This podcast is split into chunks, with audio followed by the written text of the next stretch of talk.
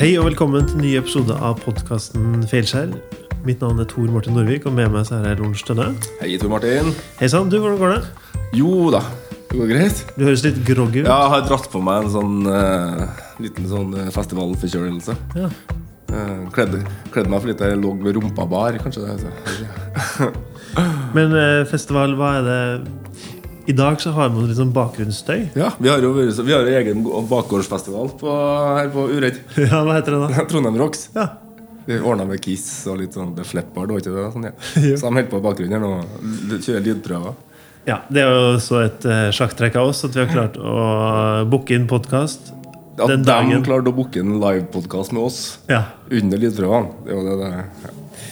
Så vi kommer sikkert til å høre litt sånn lydprøver av ulike band i løpet av dagen, men det får vi bare Det passer jo bra med at vi har med oss en som har jobba i musikkbransjen i dag. Ja, Ja, det stemmer fint. det. Du, vi, vi har jo han eh, Sigve Sigve Søråsen som er dagens gjest. Og det er også en fyr med ganske sånn imponerende liste av erfaring. Han er faktisk en av de første som gikk på entreprenørskolen her i Trondheim. Og så har han jobba ti år i Skipsted, og da hovedsakelig som leder innenfor produktutvikling og analyse. Og så var han med å bygge opp finansnettstedet E24. Og så er han hjernen bak eh, musikkjennelsen Vimp. Var han hjernen bak òg? Iallfall det jeg har lest meg fram til. Gøy. Og som nå heter Tidal. eh, og det tror jeg er en spennende historie. Og så er han medgründer og eh, administrerende direktør i Mito AI. Som er en eh, ganske kul måte å bruke maskinlæring på. En, mm. for å egentlig ja, lese gjennom fryktelig mange millioner dokumenter for å hente ut eh, tekst som du kan bruke noe fornuftig. Men det tror jeg også vi kan få høre noe mer om. Gøy. Gleder meg. Hva tror du? Tror du at eh, det er noen uh, feilskjær her? eller? Ja, jeg tror det er mange gode betraktninger, og jeg er en smart mann her, så det gleder jeg meg til. Skal vi bare sette i gang? Kjør på. Velkommen til oss, Sigrid, Sigve. Tusen takk for at du ville ta turen hit. Jo, takk for at jeg fikk komme. Takk for invitasjonen. Ja, du, Hvordan står det til? Det går bra.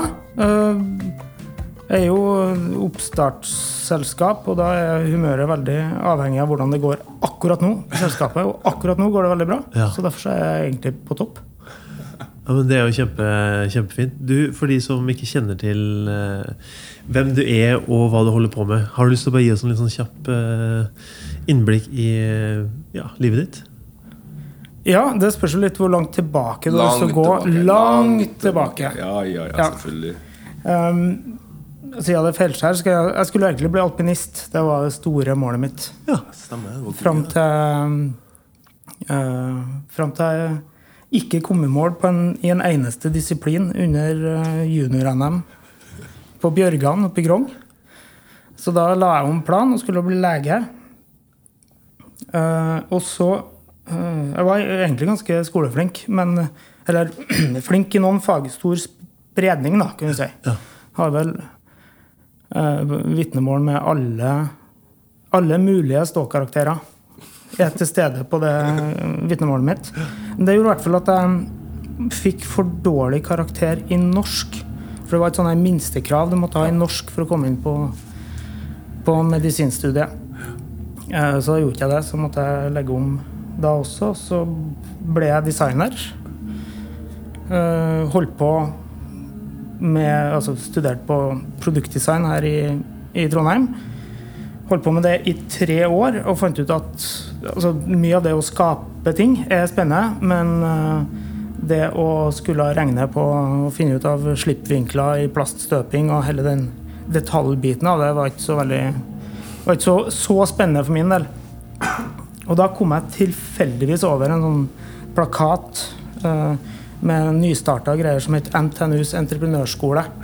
Toårig studieprogram som skulle jeg teste ut. Eh, Søknadsfristen hadde, hadde gått ut, men jeg, jeg klarte vel å grine meg inn eh, på et eller annet vis. Selv om jeg faktisk i søknaden skrev eh, Jeg hadde jo ikke kjennskap til hva en entreprenør var.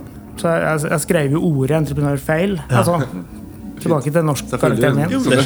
Du, Så dårlig norsk, selvfølgelig. Men jeg, jeg, jeg kom inn, og der er jo egentlig Det handler om at du skal starte opp et selskap. Og så får du en del eh, eh, ja, faglig påfyll underveis. Og da gikk jeg eh, Er det noen som husker Beyond 2000? Det var et australsk TV-program som gikk til litt sånn rare tidspunkt på 90-tallet. For det var jo, Nei. man snakka om ting man så for seg at skulle skje etter år 2000. Det var sånn framtidsprogram.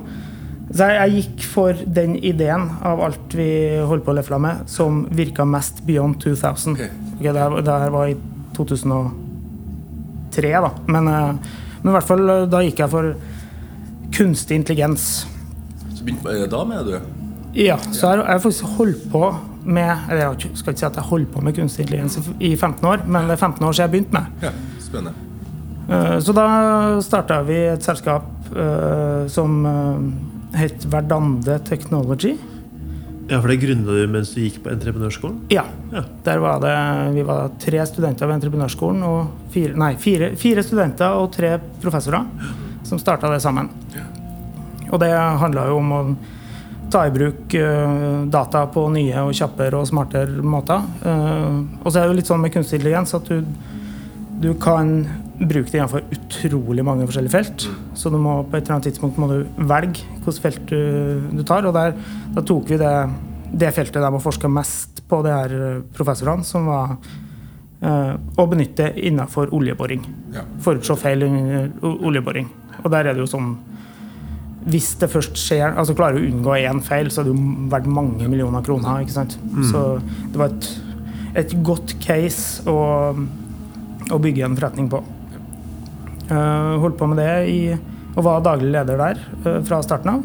Holdt vi på med det i to år før jeg fant ut at eh, jeg hadde lyst til å gjøre noe annet enn å ha olje på fingrene. Var litt sånn eh, halvt politisk eh, beslutning. Eh, så da flytta jeg til Oslo og begynte i Skipsted. Først som trainee, og så i min andre Det er sånne halvårsperioder du legger oppå, oppå hverandre. Eh, og i den andre perioden så kom jeg til helt nystarta E24. Ja. Syns det var veldig spennende. eh, og fikk et tilbud der om å gå inn i ledergruppa, hoppe av trainee-programmet, gå inn i ledergruppa i E24 og være med å bygge opp på produktutviklingsavdelinga der. Hvor mange var ikke det timer? I den produktutviklingsavdelinga. eh, mye basert på eksterne ressurser. Jeg tror på slutten så var vi tre-fire Ja. internt. Men vi, vi starta jo med meg. Ja, ok. Da- Og en uh, halv stilling vi lånte fra Aftenposten og okay. noe, noe innleid og litt sånn. Men hele selskapet var om vi var ja, åtte-ti stykker da jeg starta. Og det var jo bare salg og redaksjon. Så jeg var den første som var noe annet enn salg og redaksjon. Og det vil jo si at stillingsbeskrivelsen din blir jo litt sånn all of the above. Altså du, du tar, tar det som ikke passer inn i salg og redaksjon. da kjempeartig uh, å være med å bygge opp det. Så kom jeg til et punkt hvor jeg hadde liksom snudd bunken. Uh, jeg følte at jeg, jeg stortrivdes. Uh, men hadde Jeg starta egentlig jobben der med å redesigne et halvt år etter lansering. Og så kom vi til en ny runde med å retenke og redesigne nettstedet og gjøre det mer mobilvennlig og sånn. Så da fant jeg ut at ja, nå er det på tide å uh, gå videre til noe annet. Og da satte jeg meg ned sammen med en av mine medgründere i uh, Verdande. Og så, vi har sånn vi møtes en gang i året og spiser biff tartar og drikker øl og snakker om livet. Og da var både han og jeg var litt sånn der, ja, men nå er vi klar for å gjøre noe nytt. Hva er den tøffeste startupen i Norge akkurat nå? Og da viste han meg Wimp, som da var i beta-modus. Eh, så Som han, som han var involvert i på forhånd, eller? Uh, nei, han var ikke involvert i det på forhånd. Og så eh, kjente jeg styrelederen litt fra tidligere, så dagen etterpå så bare ringte jeg på han og sa det at ikke for at jeg skulle få jobb, men for at vi toene skulle få jobb. Ja, så. Så vi Du trenger et eh, sammensveisa team som skal være med å bygge det her.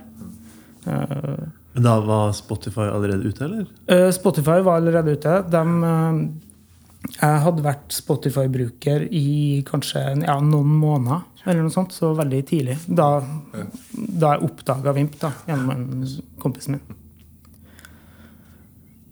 Og så hoppa vi begge inn ganske nøyaktig samtidig. Uh, holdt på med det i, og gjorde masse forskjellige ting der i tre, tre og et halvt år. Uh, og så gikk jeg vel til Ja, og så gikk jeg til, til Skipsted. Uh, til liksom moder, tilbake til moderskipet og var produktdirektør der. Hadde ansvar for en del sånn, det som heter lesermarkedsprodukter. Ja. Som handler om ja, nye måter å få folk til å betale for nyhetsinnhold på. egentlig. Var det et par år før vi Før min samboer bestemte oss for at nei, men nå er det eller ikke vi bestemte oss. Jeg hadde masa i ti år. Hun, er fra Stockholm. da. Masa i ti år på at uh, vi skal flytte til Trøndelag. Og det var jo litt sånn Strategien min der var at hvis jeg maser nok om Steinkjer, så vil jeg til slutt se på det å flytte til Trondheim som en seier. Det er smart. Det er smart. Så da, Den effekten har Steinkjer. Ja. For det uh, Hun er jo da Flytt til Steinkjer, bo i Trondheim. Ja. Hun er oppvokst på Sødermalm. og sånn, uh, Hun mener vel at det er for langt fra Steinkjer til Sødermalm. sånn både, ja. uh, Smart, både fysisk og kulturelt. Men, uh, men da, da, bestemte vi oss for å, for å flytte hit. Og det var da jeg, ja, jeg dro på en sånn her alumnisamling. Første alumni-eventen jeg var på for entreprenørskolen. Bare for å se hva som skjer i Trondheim. Men Hvor mange år er det du gikk ut av fra du var på det her alumni-eventet? Da ti-elleve år. Ja. Så jeg kjente jo ingen. Um, men jeg tenkte jeg må bare finne ut hva som skjer i byen. Uh, og så er det sånn årlig alumni-event uh, i februar-mars. Så stakk oppover. Uh, og ble der kjent med ei som heter Marit Rødevann som fortalte om hun jobba ved NTNU Technology Transfer, som er sånn et, ja, en organisasjon som har som ansvar å, å kommersialisere forskning og kommersialisere teknologi som kommer ut fra universitetet. Og hun satt på denne teknologien som kunne forstå tekst og medieinnhold og alt mulig sånn. Uh, og det syns jeg var kjempespennende, og tilbake til kunstig intelligens. Mm. Men fortsatt innafor medie, som jeg syns er en utrolig spennende bransje. Jeg syns det skrevne ord er spennende, sjøl om jeg er dårlig i norsk. Ja. uh, så da ja, bestemte vi oss omtrent på stående fot uh, for at det her skal vi prøve å gjøre noe ut av sammen. Okay. Så jobba vi litt sammen med det et halvt år før vi bestemte oss for å etablere det selskapet. Men kjente ikke hverandre på forhånd? Du, Hadde aldri møtt henne før. Nei, okay. Så fin, her, fyr, da. fin fyr, da. vet du. Ja, fin fyr. Og så er, er Marit veldig overbevisende òg, da. Ja, okay, ja. Så hun kom uh, uh, Hun gir seg ikke før hun får ting uh, som hun vil. Så hun kom jo til Oslo den mandag, Festen var på en lørdag. Mm. Mandagen etterpå så kom hun og tok med seg Patrick, som da er den tredje co-founderen som eh, har jobba med teknologien eh, gjennom, gjennom, studiene. Hva var ditt bidrag inn i denne liksom, kollisjonen? Mitt bidrag var nok mer uh, forretningssida fra mediebransjen. Det å forstå Voksenverden? Ja, forstå, litt å forstå voksenverden. men også etter å ha jobba med medieinnhold og jobba med ja, for å ta Vimp som et eksempel. da. Hva gjør tilgangen til uendelige mengder med musikk? Hva gjør det med en sluttbruker? Hva, uh, hvilke, muligheter og uh, ja, hvilke muligheter får du da? Og også hvilke begrensninger setter det for sluttbrukeren? Og så var det at jeg hadde noen sånn tydelige problemer. Mm som jeg hadde sett gjennom jobben min i, i Skipsted, som jeg ønska å få løst, men savna en teknologi. De hadde en teknologi som de ønska å fortsette med, mm. men mm. mangla et problem. Men du... Hva er din rolle i Mito nå? Nå er, er jeg produktsjef, heter jeg vel. Okay. ja, for han kompanjongen der, Tor Martin, introduserer deg som admendir. Ja, var jo det da vi starta opp. Okay, ja. Og så Ble du sparka? Og så ble jeg sparka. Nei, vi kommer til et punkt hvor uh, finner ut at uh, Ja, jeg har jeg er en produktmann. Jeg har lyst til å jobbe med produktutvikling. Ja. Eh, Utvikling. ja. Ja. Og lyst til å jobbe der teknologien møter, akkurat der teknologien møter folk. Ja. Uh, som uh, daglig leder i et oppstartsselskap så handler det veldig mye om finansiering og ledelse. Eh, og det er Marit eh, veldig mye bedre enn meg på. Så syns ikke teknologi og folk møtes på Altinn, for eksempel, og sånne ting, som er sånn admdir-jobber. Logge inn på Altinn og Brønnøysundregisteret og ordne sånn papir og sånn. Jo, det er jo vel òg en, eh, en eh, Ikke en admdir-jobb, men en daglig lederjobb. Ja, ja, men det var derfor jeg sa daglig leder. Da. Eh, For du, du gjør jo mye sånt, men, men det gjør du det gjør alle.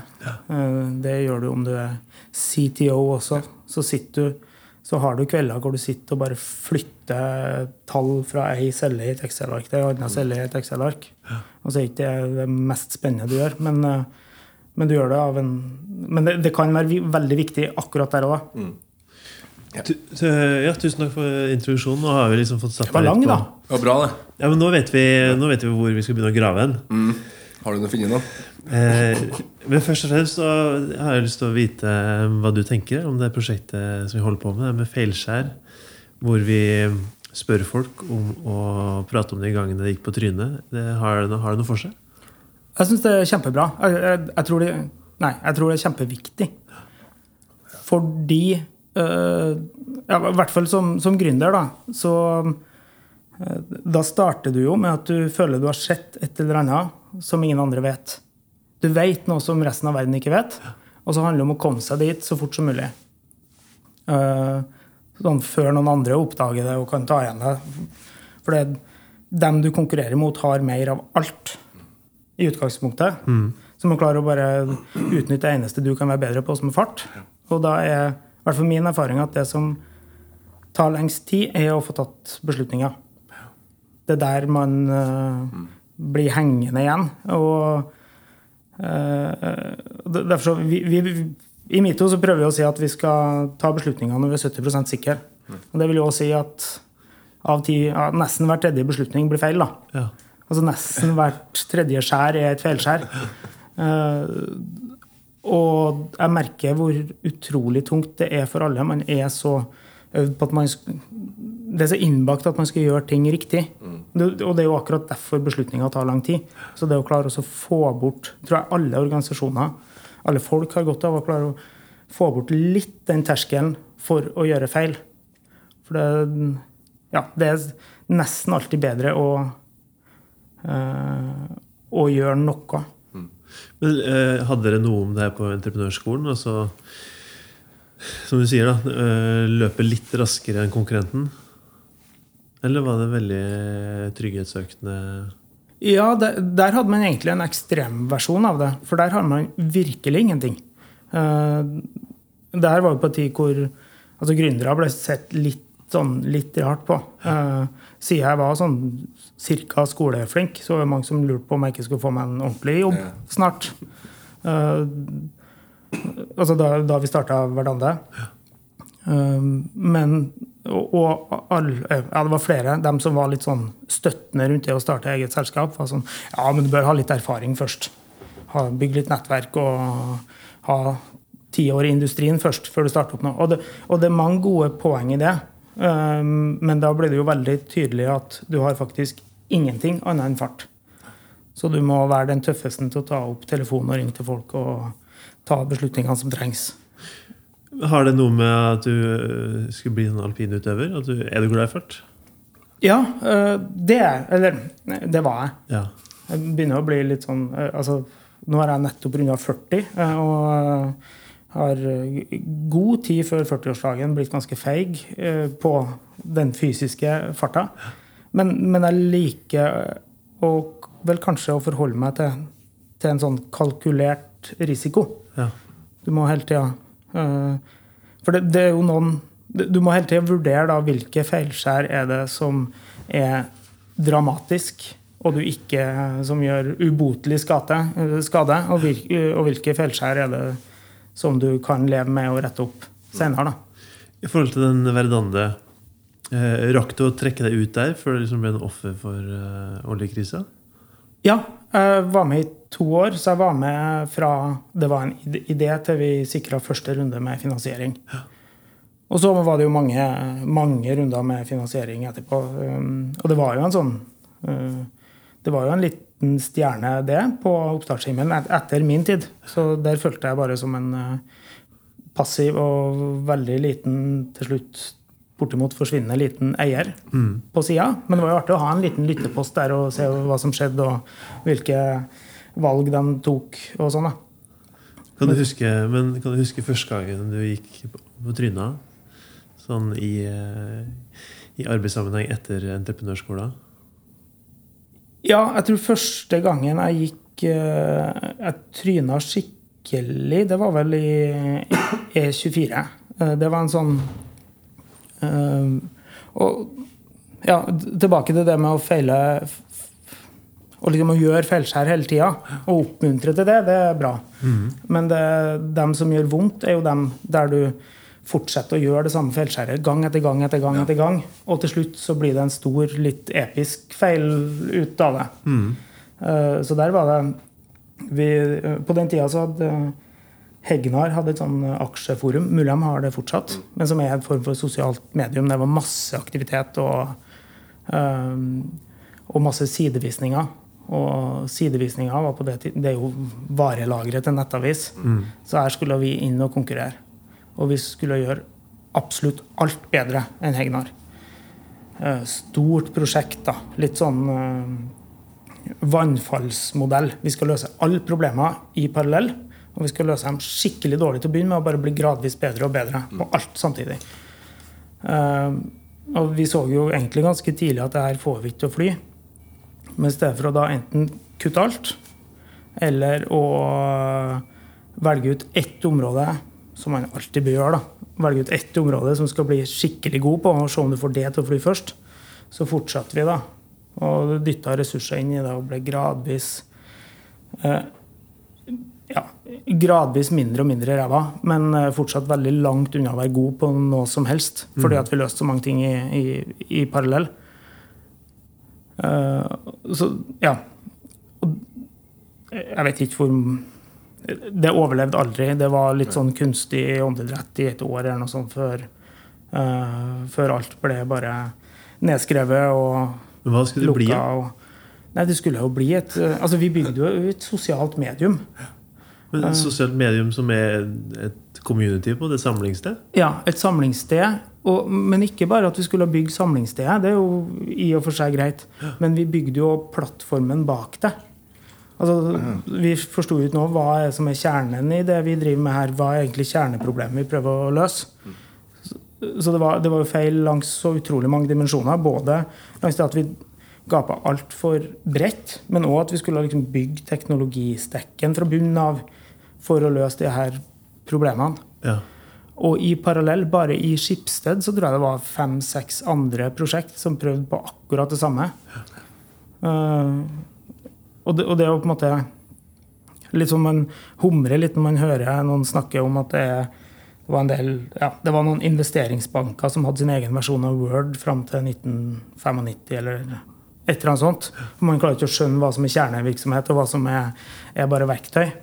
Og der skjønte vi det jo virkelig ikke. Det er så fort gjort å gå i den gå i den fella. da. Ikke skjønne hvordan business er det egentlig du, du driver på med.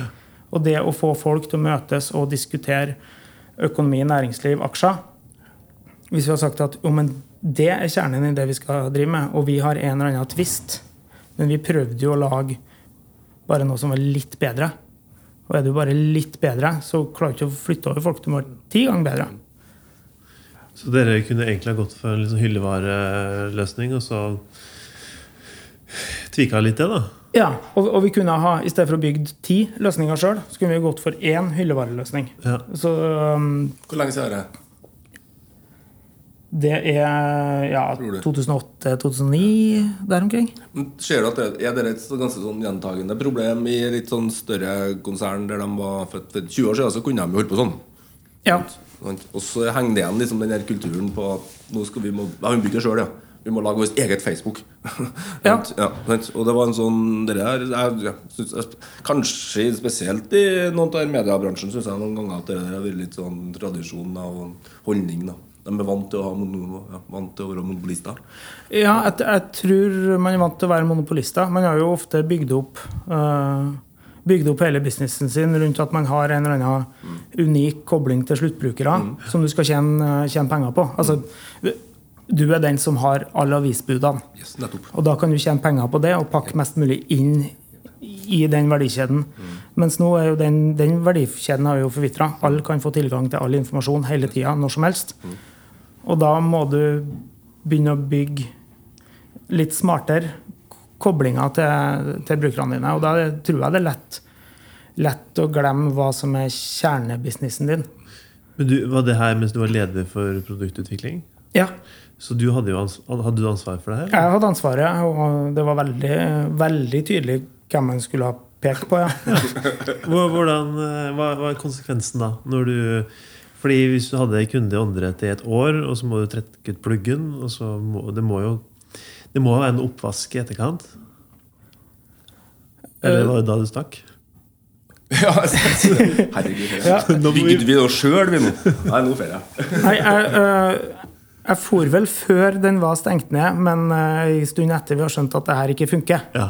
Tror jeg. øh, ja, hvis jeg husker riktig. Nei, men det, men det var veldig Det var selvfølgelig surt. Alle syntes det var surt. Man putta mye ressurser inn i det. Eh, men jeg opplevde det, det må jeg si var veldig bra. da. Jeg opplevde at det var ingen som forsøkte å, å, å, å skylde på meg og si at ja, men det her var din feil. Hvorfor gjorde vi alt det? Det ble eh, Det var mer en sånn en ærlig tabbe. Ja. Så hjalp det sikkert at det var fem-seks andre rundt omkring i Schibsted-konsernet som gikk på akkurat samme smellen ak- på akkurat samme tida. Det var en kultur for det. Men. Ja, og man, man var i eh, det, er liksom, det, det er lettere å ta feil når eh, en del smarte folk gjør samme feil som deg samtidig. Sjøl om det er egentlig Det er jo en ganske grunnleggende feil, da. Jeg må jo, må jo innrømme det. Hva, ja, ja, er hva, er, hva er lærdommen, da? Har de endra måten de utarbeider eh, nye produkter på? Uh, jeg, jeg kan ta hva som er lærdommen for meg. Ja. Uh, og lærdommen for meg er at når du skal prøve å bygge opp noe, så bør du skrive opp hva er de aller viktigste tingene du må gjøre framover. Skriv opp en liste. Så sitter du her med en liste på 10-20 ting. Og så tar du rive av de tre øverste og sier 'det her skal jeg gjøre'. Og alt som står under det på lista, skal ikke jeg gjøre før jeg har løst de tre, tre første. For Hvis ikke så tar det fokus fra å løse de tre, to første. eller hva det er for noe. Du må bare sette et eller annet strek i sanda. Og sjøl om det oppleves som veldig viktig, eh, så må du bare ta det som er eh, brennende nødvendig for å lykkes. Veldig viktig. Hold litt sånn Og da blir det akkurat det med bygg plattform blir jo veldig interessant. For at dere følte vel sikkert at dere måtte bygge egen plattform for å få til de tre øverste tingene. Nei, men vi skulle løse ti ting. Ja, okay. 20 ting. Ja. Og da må du jo, lø- må du bygge din egen plattform. I stedet for å finne den, den ene eller de to tingene. Øh, Og klar å være klar å være smal nok på hvem du løser et problem for. Det er jo det, Hvis du leser om alle de store suksesshistoriene som uh, WhatsApp ble vel uh, i utgangspunktet laga for uh, ja, russiskfødte som ledd i San Francisco. Det var liksom første, første gruppen. Det var dem som begynte å utvikle det, fordi at de, det var dyrt å ringe hjem. Samme. Eh, og samme med Facebook ble starta på ett universitet for at det skulle være lettere. Og der åpna de jo gradvis og hadde en sånn kontrollert ja, kall det, Jeg tror ikke jeg opplevde det som kontrollert der da, men, men eh, i hvert fall de tok eh, litt sånn skanse for skanse. da. Mm. Hadde du en sånn liste når du gikk over til Vimp? Ja, sånn delvis. Vimp var jo, eh, det var jo et team der allerede. Eh, For Vimp var jo en såkalt joint venture, altså to, to selskap slår seg sammen om å bygge noe. Eh, Platekompaniet og et teknologiselskap som het Aspiro. Så der var jo teknologien da, de jobba med i sikkert et år eller to før Altså begynte sånn så vidt å jobbe med på kveldstid og sånn. Og så kom Spotify. og så kom Spotify, ja. Og ja, mens de jobba med det. Mens de jobba med. Så før Så de jobba og utvikla en strømmetjeneste før det var noe tilsvarende på markedet, eller? Uh, nei da, eh, for det, det er jo mange som tenker at Spotify var den første strømmetjenesten. Hadde kanskje Napster? Ja, Napster var jo før, Uh, men Nap Napster var vel mer en Ja, ja, fildelingstjeneste. det var- MySpace? Faen. Nå, eh, det her er så lenge siden, men, men det var en uh, eh, dem- Det var noen som var fullstendig markedsledende innenfor strømming av musikk, men det var et veldig lite marked. Eh, et amerikansk selskap, nå husker ikke jeg navnet i farten, men det var på en måte inspirasjonen til å begynne med for å utvikle, utvikle Vimp. da. Og, og for da så man man levde av annet av å selge ringetoner og litt sånne ting. Så man at teknologien er jo egentlig det samme, eh, sånn grovt sett. Og en del av rettighetsavklaringa som du må gjøre, er en del av det samme. Og det fantes et forbilde i, i USA som løste det på en fin måte. Og så begynte man å jobbe litt mer, så kan vi jo få til her, får vi kjapt nok, hvor dyrt vil det bli. Um, og så kom, uh, kom Spotify. Og alt det her skjedde jo før, før min tid. Ja. Så det var, Spotify var nok mer en sånn Det gjorde at jo, men det her tør vi å satse på. Dette er mulig. Ja, dette er mulig, og det går an å få mange til å begynne å bruke det. Møtte du på noen fine feilskjær der, eller? Ja. Nei, det er musikkbransjen, egentlig. ja. Nei, men jeg tror kanskje det som uh, der, jeg, jeg sa jo at det som gjør mest vondt, er der du ikke klarer å gi deg. Uh, en annen ting som gjør veldig vondt, er når du uh, når du har en feil i på en måte, den grunnleggende analysen som du bygger et eller annet på. Noe du, du burde ha sett. For du, du klarer nesten alltid å trekke alt tilbake til noen sånne grunnprinsipper. Men når ett av de grunnprinsippene er feil da, Så det kan ta vi, eh, Musikksalget på den tida var ja, Over halvparten av alt av CD-er som ble solgt i Norge, var norsk musikk. Da tenkte vi at det å bli god på norsk musikk er viktig. Og det er to ja, to store feil man gjorde der. Da. Eh, Det ene er at eh, en av grunnene til at norsk musikk var så dominerende, var at eh, Odd og Sissel har gitt ut juleplate året før. Så det dro opp norskandelen veldig. Og det andre er at grunnen til at norskandelen var så høy, er jo fordi at uh, du hadde i fysisk salg så har du en fysisk begrensning i hva du kan tilby. Du har jeg vet ikke, en platebutikk om du har 1000 eller 2000 titler. Og da tar du fram en del norsk. Eh, egentlig stort sett alt er norsk ligger i den butikken. Pluss det viktigste av det internasjonale. Men når du utvider, så får du ikke mer norsk, men du får bare utrolig mye mer av, av det internasjonale. Og da vil jo de ta litt av lyttinga, dem også. Eh, Så jeg, uten at jeg husker tallene på det, så var i hvert fall norskandelen veldig mye lavere i streaming enn i butikk. Eh, og så sa jeg ikke at det var to problemer. Og to, ja. Jeg, jeg tror jeg sa to Ja. problem. Det var at til, det var 50% norsk fordi at det handla mest om Ja. at det ikke var tilgjengelig. At, Jeg, jeg har tatt to. Jeg har faktisk tatt to. ja, det har det. det, Ja, har det. bra. Så det, ja, for det, ja, for det handla selvfølgelig om at så den feil, ja, Men jeg skjønner den feilvurderinga. da, For at det var et altså, 50, Ærlig ikke nordmenn vil ha norsk musikk, men det handla mest om at de ikke hadde tilgang på utenlandsk musikk. For- ja, Ja, men, så, men det slutta jo ikke der, på en måte, for da begynner det jo å balle på seg med at da det er det det man markedsfører. Yes, er Um, og der Jeg husker jo på det du sier nå. At det var sånn uh, Vimp skulle liksom være det, det var som norske Det husker Ja. jeg, ja, det er sant, det. Og det du sier når det er to aktører i et marked, og du markedsfører på det ene, så ser du at den andre er bedre på det andre. Nettopp. Så du, Ja, ja. Vi sa jo med vår markedsføring at Spotify er best på internasjonal musikk. Yes. Men de er så dårlige på norsk at vi prøver å gå inn i det markedet. Ja. Men det var da basert på at dere mente at det var såpass mye kjøpere på norsk musikk at det var greit å ta den markedsposisjonen?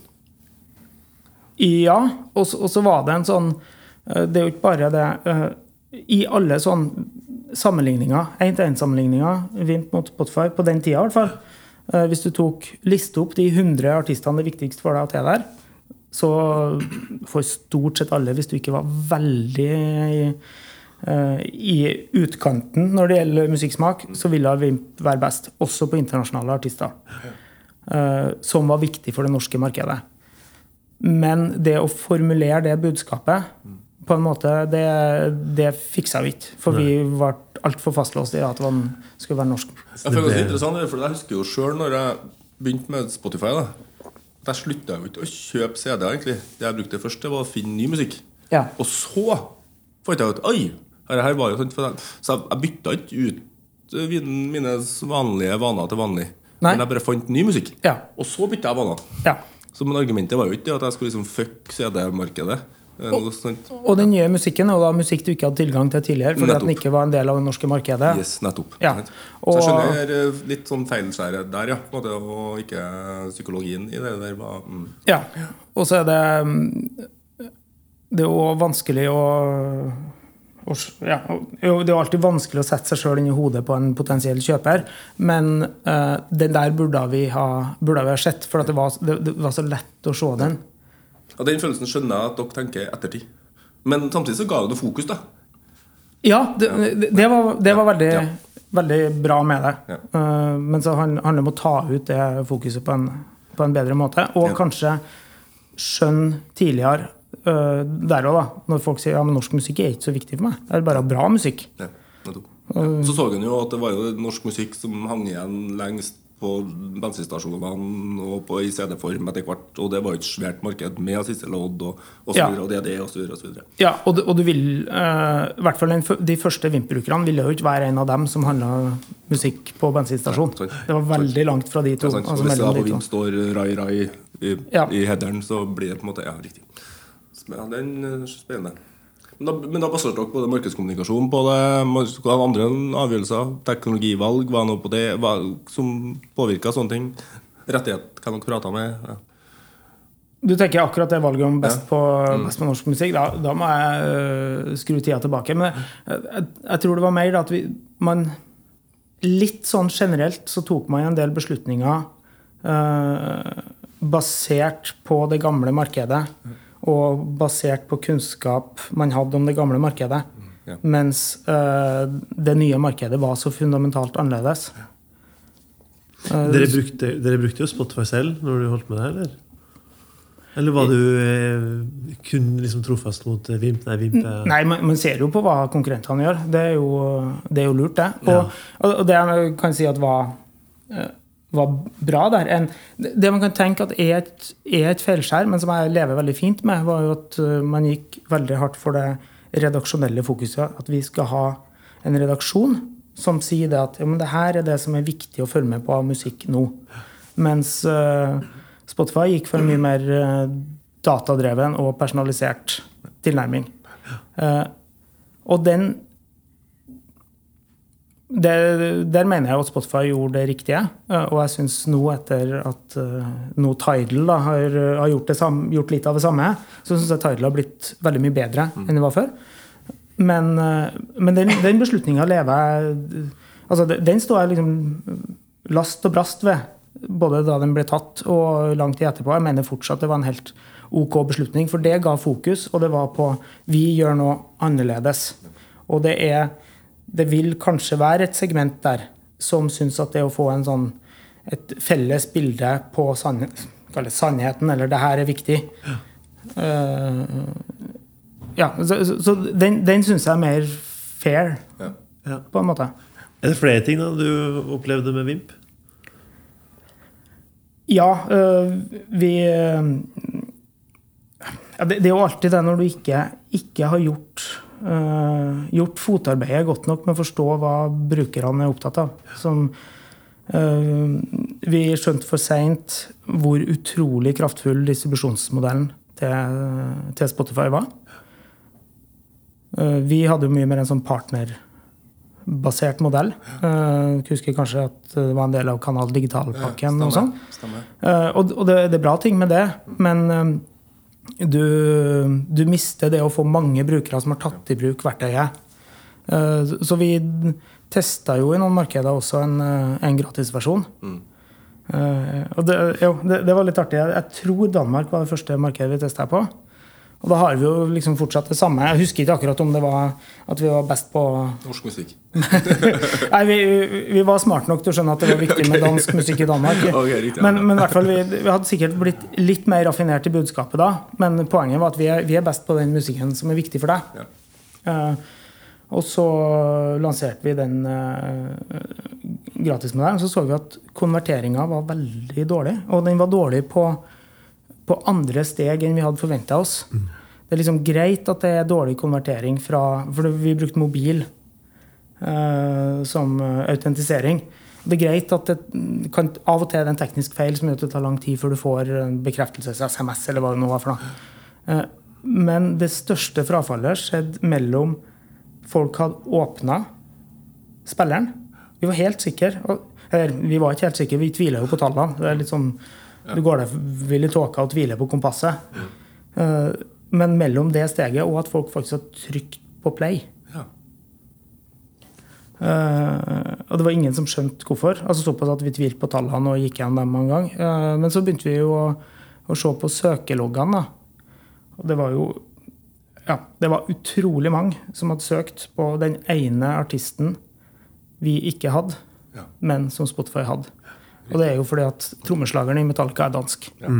Sant. Riktig. Selvfølgelig. Så der vi har snakka masse om at jo, vi er bedre enn på den musikken som er viktig, viktig for deg. Søker Metallica, null treff. Ok. Ja. Dårlig, dårlig, dårlig start. Ja. Mm. Ja, så det bare Skjønte ikke markedet. Jeg tror, eller Nei. visste ikke Klarte ikke å matche behovet, egentlig. Ja, klarer ikke å treffe, og, og litt Ja. Litt, u, litt uflaks også, men, men du du tilbake til det med å være ti ganger bedre. da. Du er ikke ti ganger bedre i det danske markedet hvis du ikke har uh, hvis du ikke har Metallica. Nei, ikke sant? Da må du være veldig mye bedre på noe annet. Ja. Og hva, men hvis du skal oppsummere dine år hos Vimp, hva, hva sitter du igjen med av lærdommer? Hva er det du tar med videre? Uh, fokus. Bare fokus. Bruk uh, Der blir sikkert dere glad for. Bruk folk som kan mer om markedsføring enn deg sjøl, til å gjøre den jobben. Det er jo et kjempetips. da Ja, det er Det er bra, ja. Det er jævla godt tips. Og så er det eh, Ja, å være enda Bruk tid ut hos kunder og brukere i enda større grad enn man, eh, man gjorde der. Sitt, se over skuldra. Hvordan bruker han det? Uh, ring opp hvis du har mulighet til det. Mm. Spør har du brukt det. Hva opplevde du? Testing, testing, testing. Testing, testing. Det er liksom det, jeg, jeg tror for, for å lykkes så er det du må gjøre to ting. Du, du må snakke mye med kunder og brukere, og så må du bruke resten av tida di på å bygge et produkt.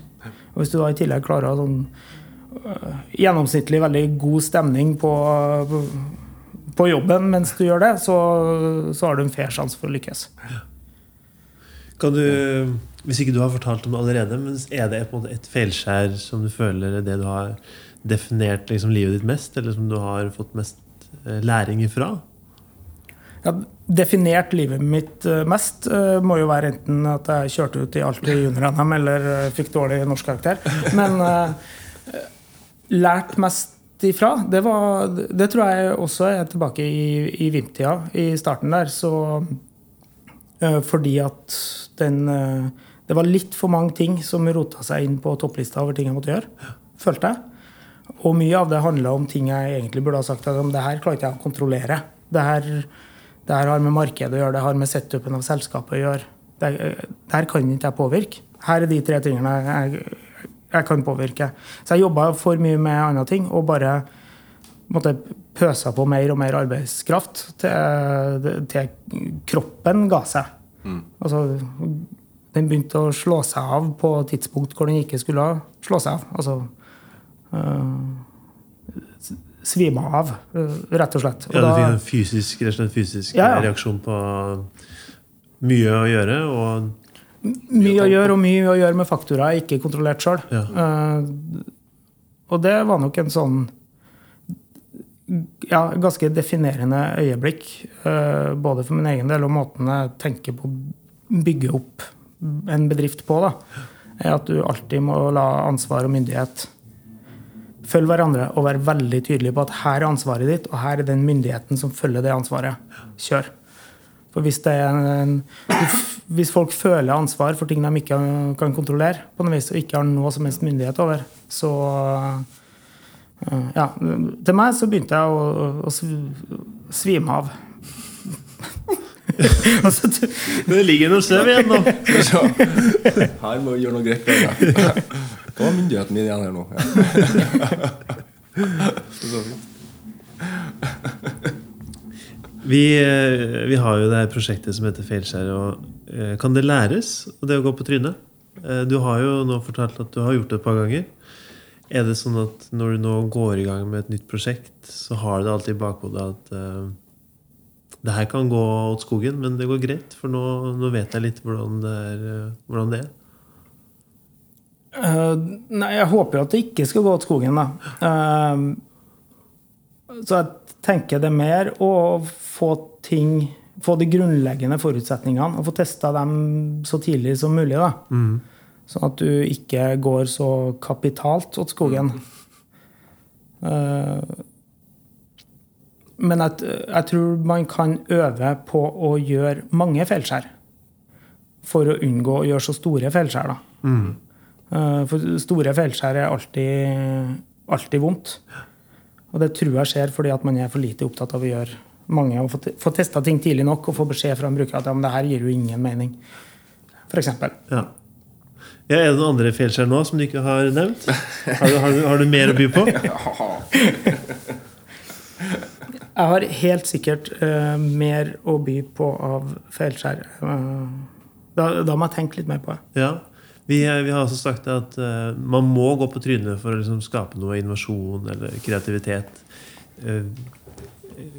Høres det riktig ut for deg at du må, for å faktisk kunne skape noe nytt, da du som er gründer, som har lyst til å løpe litt foran de andre, og ha noe som de ikke andre har skapt ennå, så du, kjenner du på det? At uh, det å tørre At man må tørre for å kunne liksom skape noe helt nytt og ukjent? Ja, man må tørre å gå på trynet. Uh, alle selskap uh, altså alle selskap som går konk, gjør det fordi de mangler penger, mangler kunder. Det skjer noe der, sånn grovt sett. Uh, og det er jo mye mer overhengende fare når du starter på null. Du har null kunder og en masse kostnader. Så du er jo veldig satt opp for å gå konk.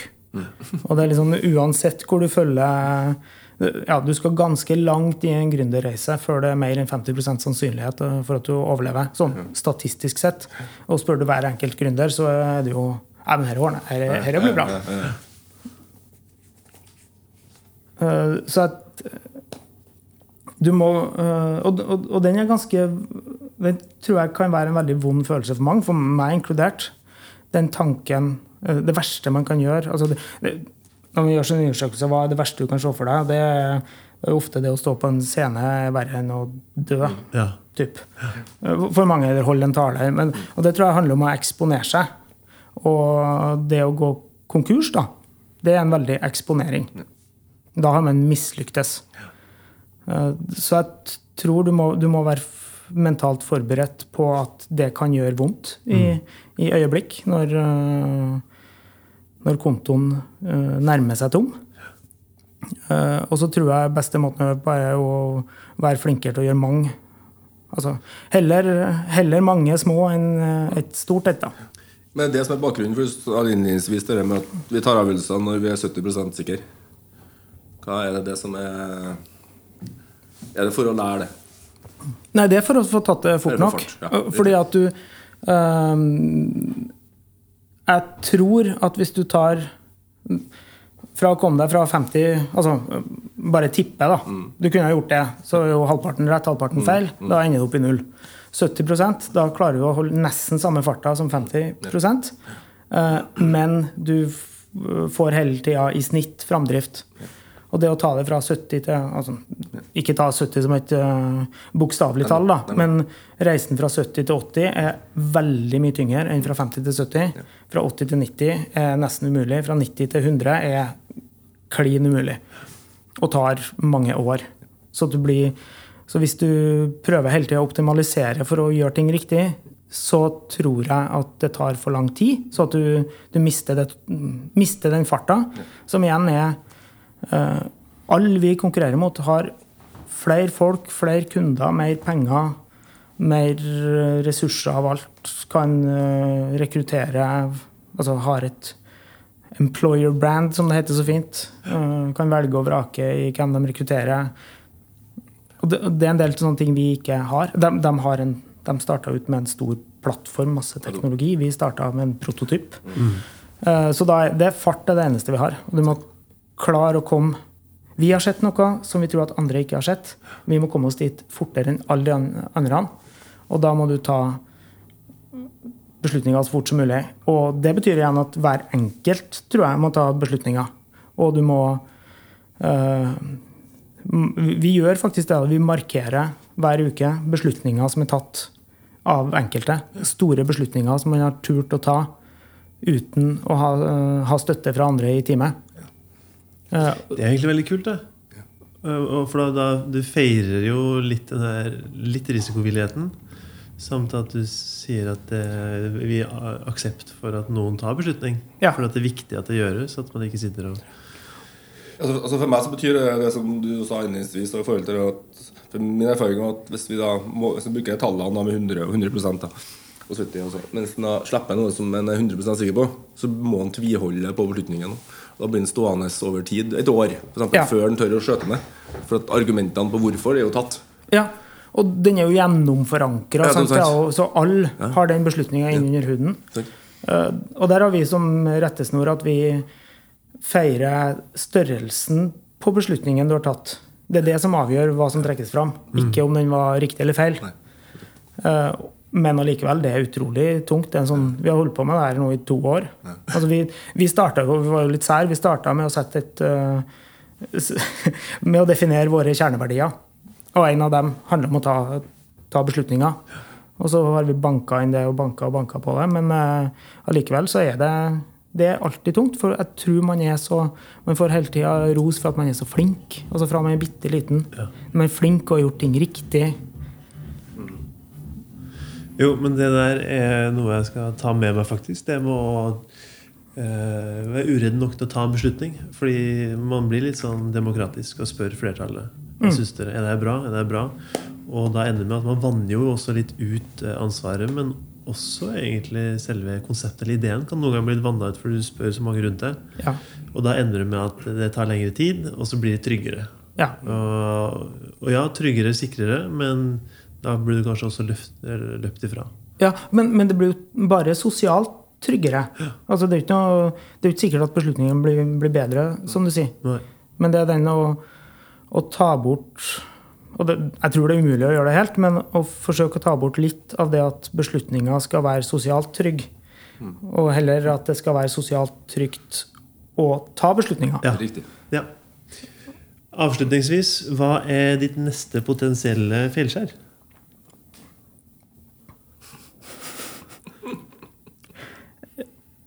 Ja, det er så Det er så utrolig Ja, hadde, hadde jeg visst av det, så man prøver jo å, å, dekke opp sånn at man ikke gjør de feilskjærene. 40-årskrisa blir med på veteran-NM i alpint. ja. Ja, jeg, jeg, jeg, tror jeg kan ha noen sånne feilskjær. At jeg, at jeg prøver meg på ting som jeg, jeg tror jeg fortsatt kan. Så jeg, var ute og uh, ja, tryna episk på sykkel. For jeg kjøpte meg sånn stisykkel fulldempa og greier. Uh, men i jobbsammenheng så uh, prøver jeg å unngå å gjøre de der store gjennom å oppdage dem tidlig nok. Ja. Så det så, ja, det blir litt sånn Vi snakker om feilskjær, og vi snakker om morsom. Det er Trondheim Rock. Ja. Så det er jo ikke rock'n'roll.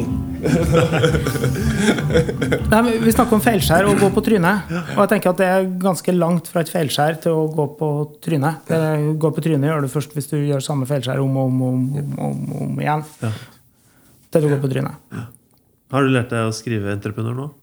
Ja, det har jeg. Eller det er mulig jeg har glemt det, men jeg, jeg lærte meg det i hvert fall. Ja. Lunsj, Ja. Hva sitter du igjen med? Hva, hva har du lært?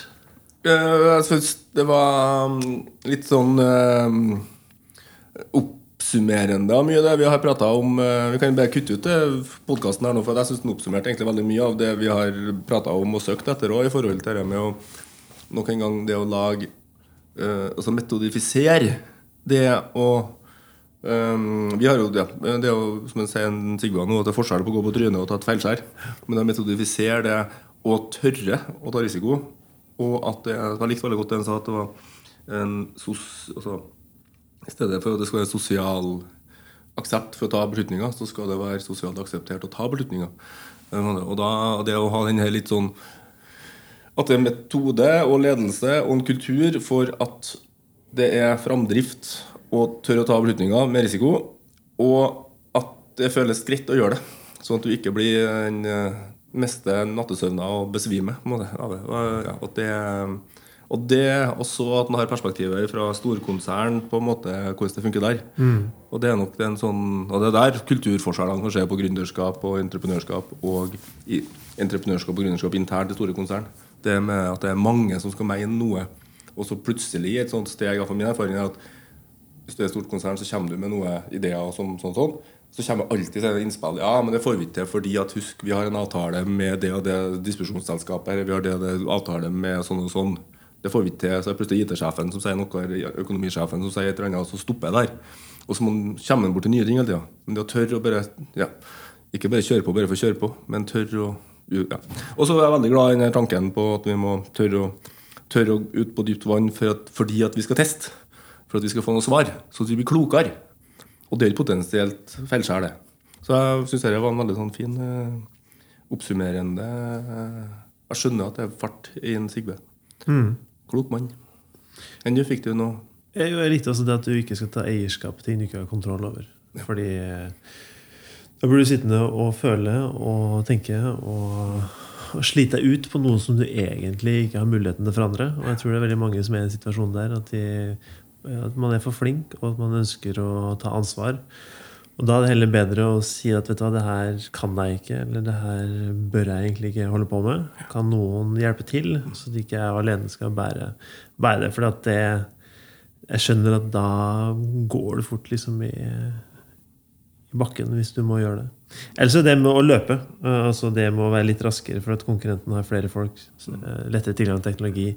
At det er liksom realiteten til folk. da Og Hvis du skal gründe og starte nå, at du må bare Vi snakka om det, stagnasjon kan ta livet av det. Fordi at du ikke kommer deg ut av startgropa. Folk eh, løper fra deg. Så det jeg synes det var en fin prat. Veldig fint. Da har vi kommet til avskjedsgave, og det er jo hva er det i den siste uka som har gjort deg glad? Eh, Da kan jeg starte med deg, Sigve. Er det noe spesielt den siste uka som har gjort livet ditt eh, litt lysere?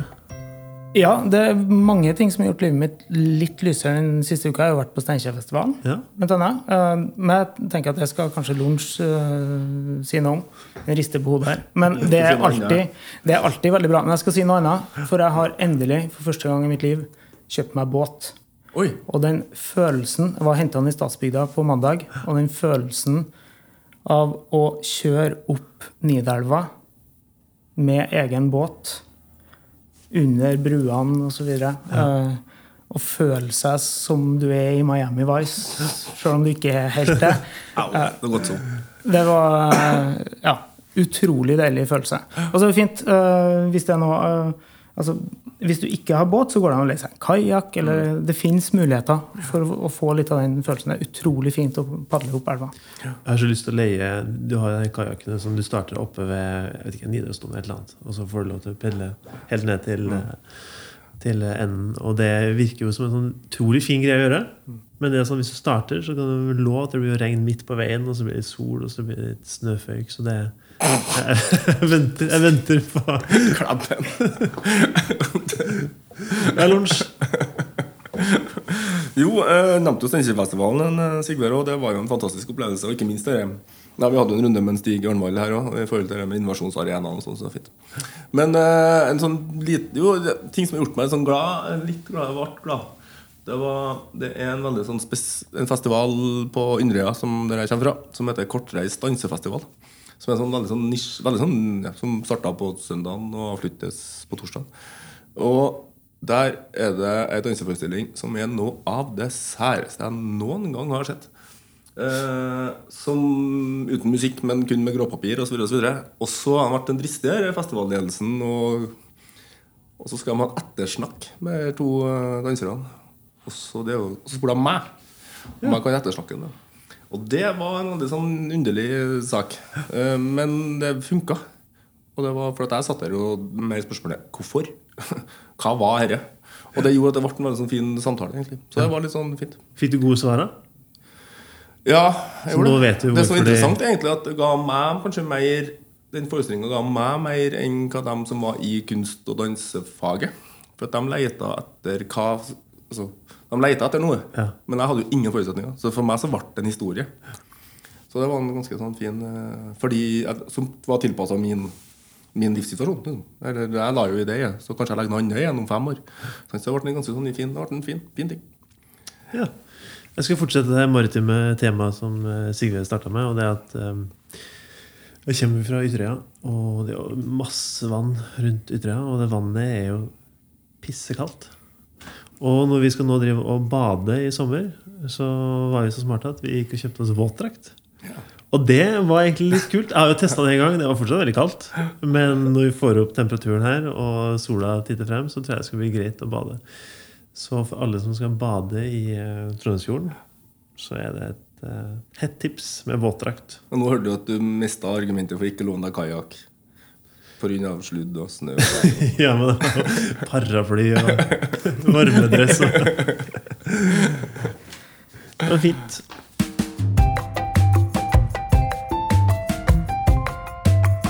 Tusen takk til lytterne som har vært med oss, og nok en gang tusen takk til Sigve. Hvor er det vi kan følge deg på nett? Ja, hvor kan du, følge, du kan følge Mito, i hvert fall både på Facebook og LinkedIn. Ja. ja, men det er fint. Og vi skal neste gang så har vi Rasmus Rode. Han er jo låtskriver og vokalist og gitarist i Rasmus og verdens beste band. Han har jo vunnet Spellemannsprisen tre ganger. Så eh, han har helt sikkert noe eh, fine tryn, tenker jeg, på veien til å, motta de prisene. Og Hvis de som hører på har lyst til å dele en historie med oss, eller tips til hvem vi burde prate med, så send oss en mail på feilskjær.uredd.no, så skal vi få historien ut og frem i lyset. Trykk gjerne subscribe, og gi oss gjerne fem stjerner hvis du liker det vi hører, for da blir vi litt lettere for andre å finne oss, og så betyr det mye for oss. Podkasten er produsert av Uredd og Lydsporet Media, og så kommer den ut hver mandag. Takk for i dag.